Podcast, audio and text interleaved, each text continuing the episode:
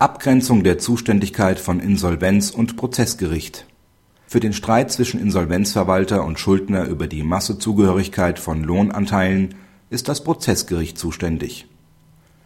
Der Insolvenzverwalter hatte beim Insolvenzgericht die Feststellung begehrt, dass bestimmte Lohnanteile zur Masse gehören. In der Beschwerdeinstanz hatte der Einzelrichter des Landgerichts wegen rechtsgrundsätzlicher Bedeutung die Rechtsbeschwerde zugelassen die Zulassung der Rechtsbeschwerde ist zwar wirksam, die Entscheidung unterliegt jedoch der Aufhebung von Amts wegen.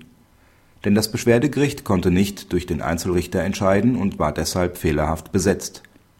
Wenn das Insolvenzgericht, wie hier, unter Inanspruchnahme seiner Zuständigkeit gemäß § 36 Absatz 4 Insolvenzordnung entscheidet, folgt der Rechtsmittelzug den allgemeinen vollstreckungsrechtlichen Vorschriften. Somit ist die Rechtsbeschwerde nur Kraft Zulassung nach § 574 Absatz 1 Satz 1 Nr. 2 ZPO statthaft.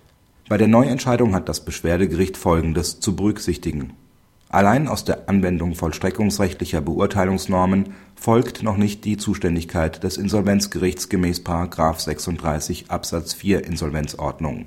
Wenn vor dem Hintergrund der § 850e Nr. 1 und 851c ZPO zwischen Insolvenzverwalter und Schuldner über die Massezugehörigkeit von Lohnanteilen gestritten wird, kann dies nur im Wege des Rechtsstreits vor dem Prozessgericht entschieden werden, weil es sich weder um eine Vollstreckungshandlung noch eine Anordnung des Vollstreckungsgerichts handelt.